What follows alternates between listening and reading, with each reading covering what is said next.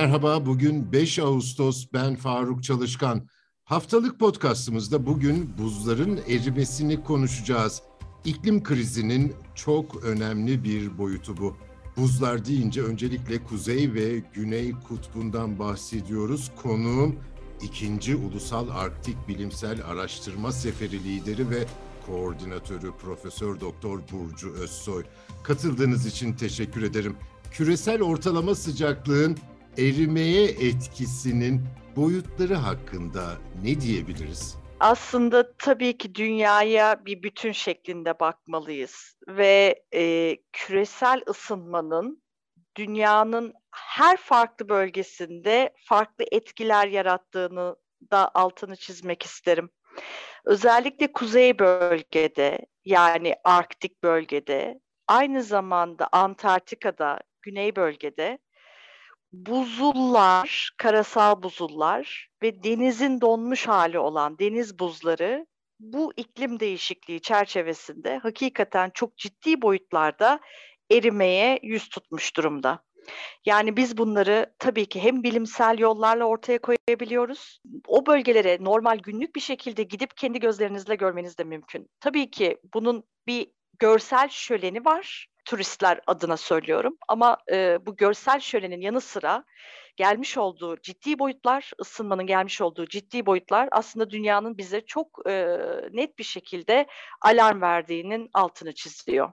Hocam şimdi bu erime artık vaka ve hali hazırda yol açtığı sonuçlar var. Gelecekte yol açacağından korktuğumuz sonuçlar var. Siz bu sonuçları önem sırasına göre nasıl görüyorsunuz? Çok ciddi boyutlara gelmiş durumda ve gelecekte bizi bekleyen daha büyük felaketler söz konusu.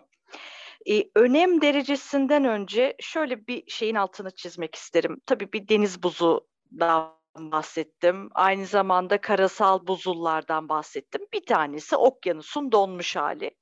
Diğeri de karasal alan üzerindeki e, buzullar.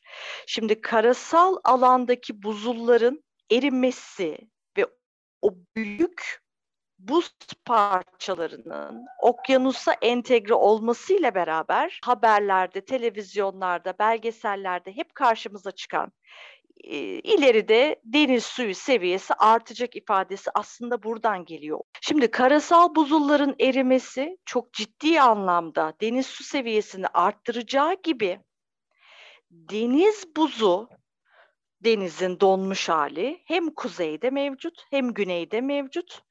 Bu deniz buzları aslında bizim iklim sistemimizin omurgası. Şimdi bu kuzeydeki deniz buzlarına baktığımızda ve uydular üzerinden ve yapılan bilimsel çalışmalarla 1970'li yıllardan bugüne kadar baktığımızda üçte biri Arktik deniz buzunun tamamıyla eridiğini ve bir daha artık donmadığını yani üçte birlik bir deniz buzu alanının tamamıyla yok olduğunu görüyoruz.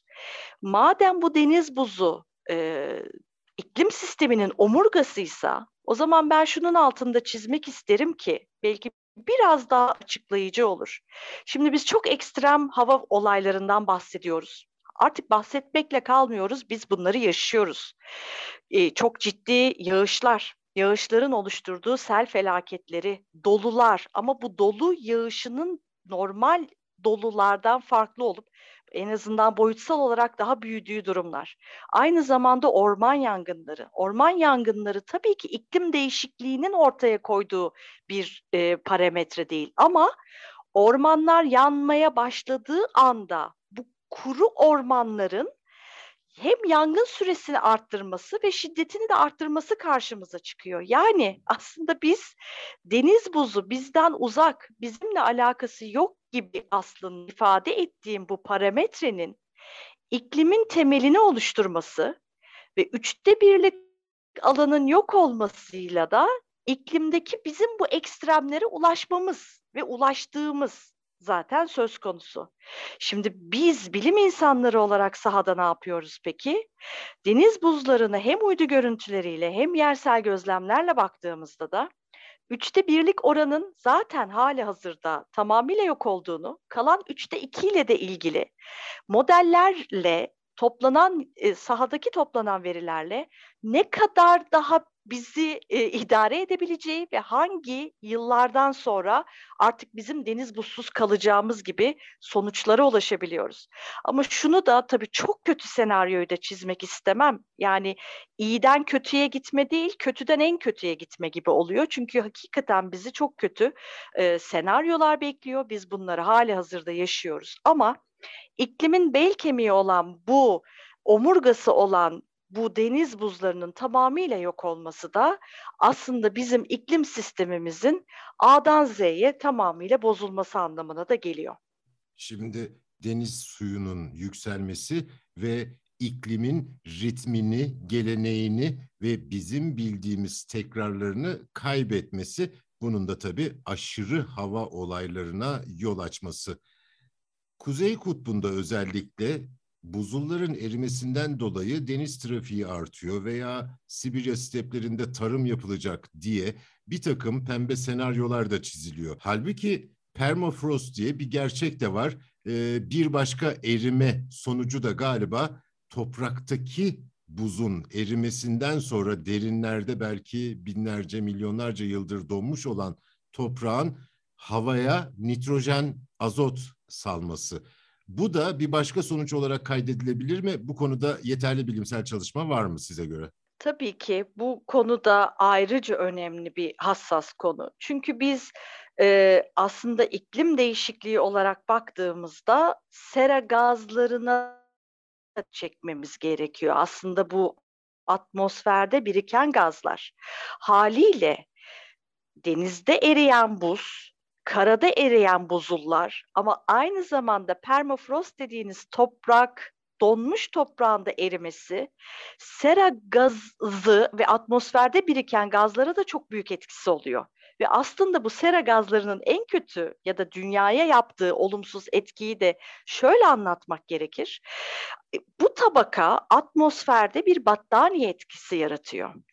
Dünyaya giren şiddetli güneş ışınları tabii yoğun şiddetiyle yeryüzü varıyor. Ve yeryüzünde yeryüzünü kaplayan bütün yüzeylerce belirli bir oranda soğuruluyor ve soğurulmayan, kullanılmayan o ısı tekrar aslında atmosfere ya, e, e, geri dönüş sağlıyor ve, ve atmosferden çıkması bekleniyor. Lakin bu sera gazı battaniyesi bir tabaka yarattığında şiddetli giren güneş ışını yeryüzüne varıyor ama şiddetini kaybetmiş ve soğurulmayan ve yansıtılması beklenen ısı bu battaniyeye çarpıp dünyaya geri dönüyor. Aslında biz bu sera gazları yüzünden bu ısıyı dünya içinde hapsediyoruz. O anlamda hakikaten altının çizilmesi gereken bir unsurdur permafrost. Tabii bunun biyolojik e, tabakaya, biyolojik e, döngüye de etkileri var. Hayvanlar ve bitkiler açısından ve bir de tabii gıda güvenliği. Anadolu Ajansı'ndaki haberde e, sizinle yapılan mülakatta Arktik çalışmalar kapsamında bazı memeli hayvanların dahi nesillerinin tükenmesi tehlikesinden bahsi geçiyordu. E, bu konuda tespitleriniz var mı? E, aslında var tabii e, bu siz, siz bu konuyu açtığınız için ben çok teşekkürler ediyorum. Biz e, Cumhurbaşkanlığı himelerinde, Teknoloji Bakanlığı uhdesinde, TÜBİTAK Marmara Araştırma Merkezi Kutup Araştırmaları Enstitüsü koordinasyonunda ikinci Ulusal Arktik Bilimsel Araştırma Seferi'nde çok yakın zamanda tamamladık.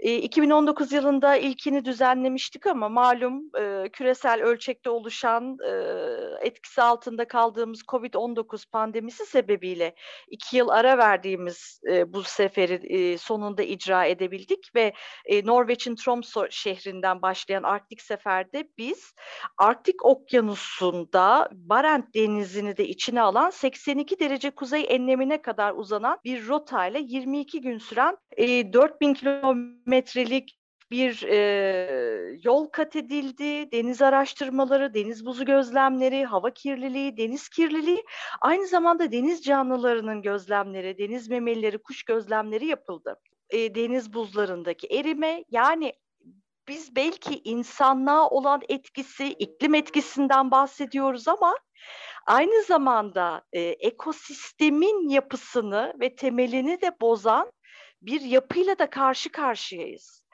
Haliyle e, bu besin zinciri en ufağından işte alglerinden krillerine, krillerinden balıklarına, balıklarından e, işte deniz e, memelilerine, e, balinalarına, kutup ayılarına ki kuzeyden bahsettiğimizde bu bir zincir. E, zincirin halkalarının herhangi birinin etkilenmesi bütün halkanın aslında sistemin çökmesi anlamına geliyor ki yine dinleyicilerimiz çok yakından da biliyorlardır. Çünkü e, çok net bir şekilde e, bu bilgi de hem bilimsel makalelerle hem de aynı zamanda normal belgeseller olsun, televizyonlarımızdan, gazete haberlerden izlediğimiz kadarıyla da kutup ayılarının da nesilleri tehlikede. Çünkü besin zincirinde oluşan aksaklıklar haliyle onların da e, kendi yaşam e, alanlarında e, ki e, aksaklıklara sebep oluyor. Norveç'ten başlayan yolculuğun süresi ve neler e, içerdiğine dair biraz ayrıntı alabilir miyim hocam? Norveç'te e, Tromsø şehrinden başladı ve Arktik Okyanusu'nun bir parçası olan Barent Denizi'nde 82 derece kuzey enlemine kadar e, uzanan da seferimiz 22 gün sürdü. Ama şunu da e, şu konuya da dikkatleri çekmek isterim. Kuzeyde e, Temmuz ayında 24 saat aslında gündüz mevcuttu ve haliyle 22 gün süren seferde gece gündüz çalışarak biz iki aya yakın bir e, performans, bilimsel performans yakalayabildik. Ve e, 9 kişilik bir bilim ekibimiz vardı. Yaklaşık 4000 kilometre lik bir e, sefer icra ettik. Deniz araştırmalarından deniz buzu gözlemlerine, hava kirliliğinden deniz kirliliğine, mikroplastiklere, deniz canlılarının, memelilerin kuş gözlemlerinin yapıldığı farklı dallarda 14 e, proje için örnekleme, ölçüm ve gözlem e, faaliyetleri e, gerçekleştirildi. E, TASE 2'de yani bizim e, ben kısaltma olarak e, ifade ediyorum. E, TASE 2 e, Arktik Bilimsel Seferimizin sonuçları da bilim insanlarımızın getirdiği örnekler laboratuvar çalışmalarından sonra da bilimsel makaleler olarak e, yayınlanıyor ve bilim camiasına da büyük katkıları olacağını e, ifade etmek isterim. Profesör Doktor Burcu Özsoy'a çok teşekkür ediyorum. Bizi hangi mecrada dinliyorsanız orada abone olmayı lütfen unutmayın. Hoşçakalın.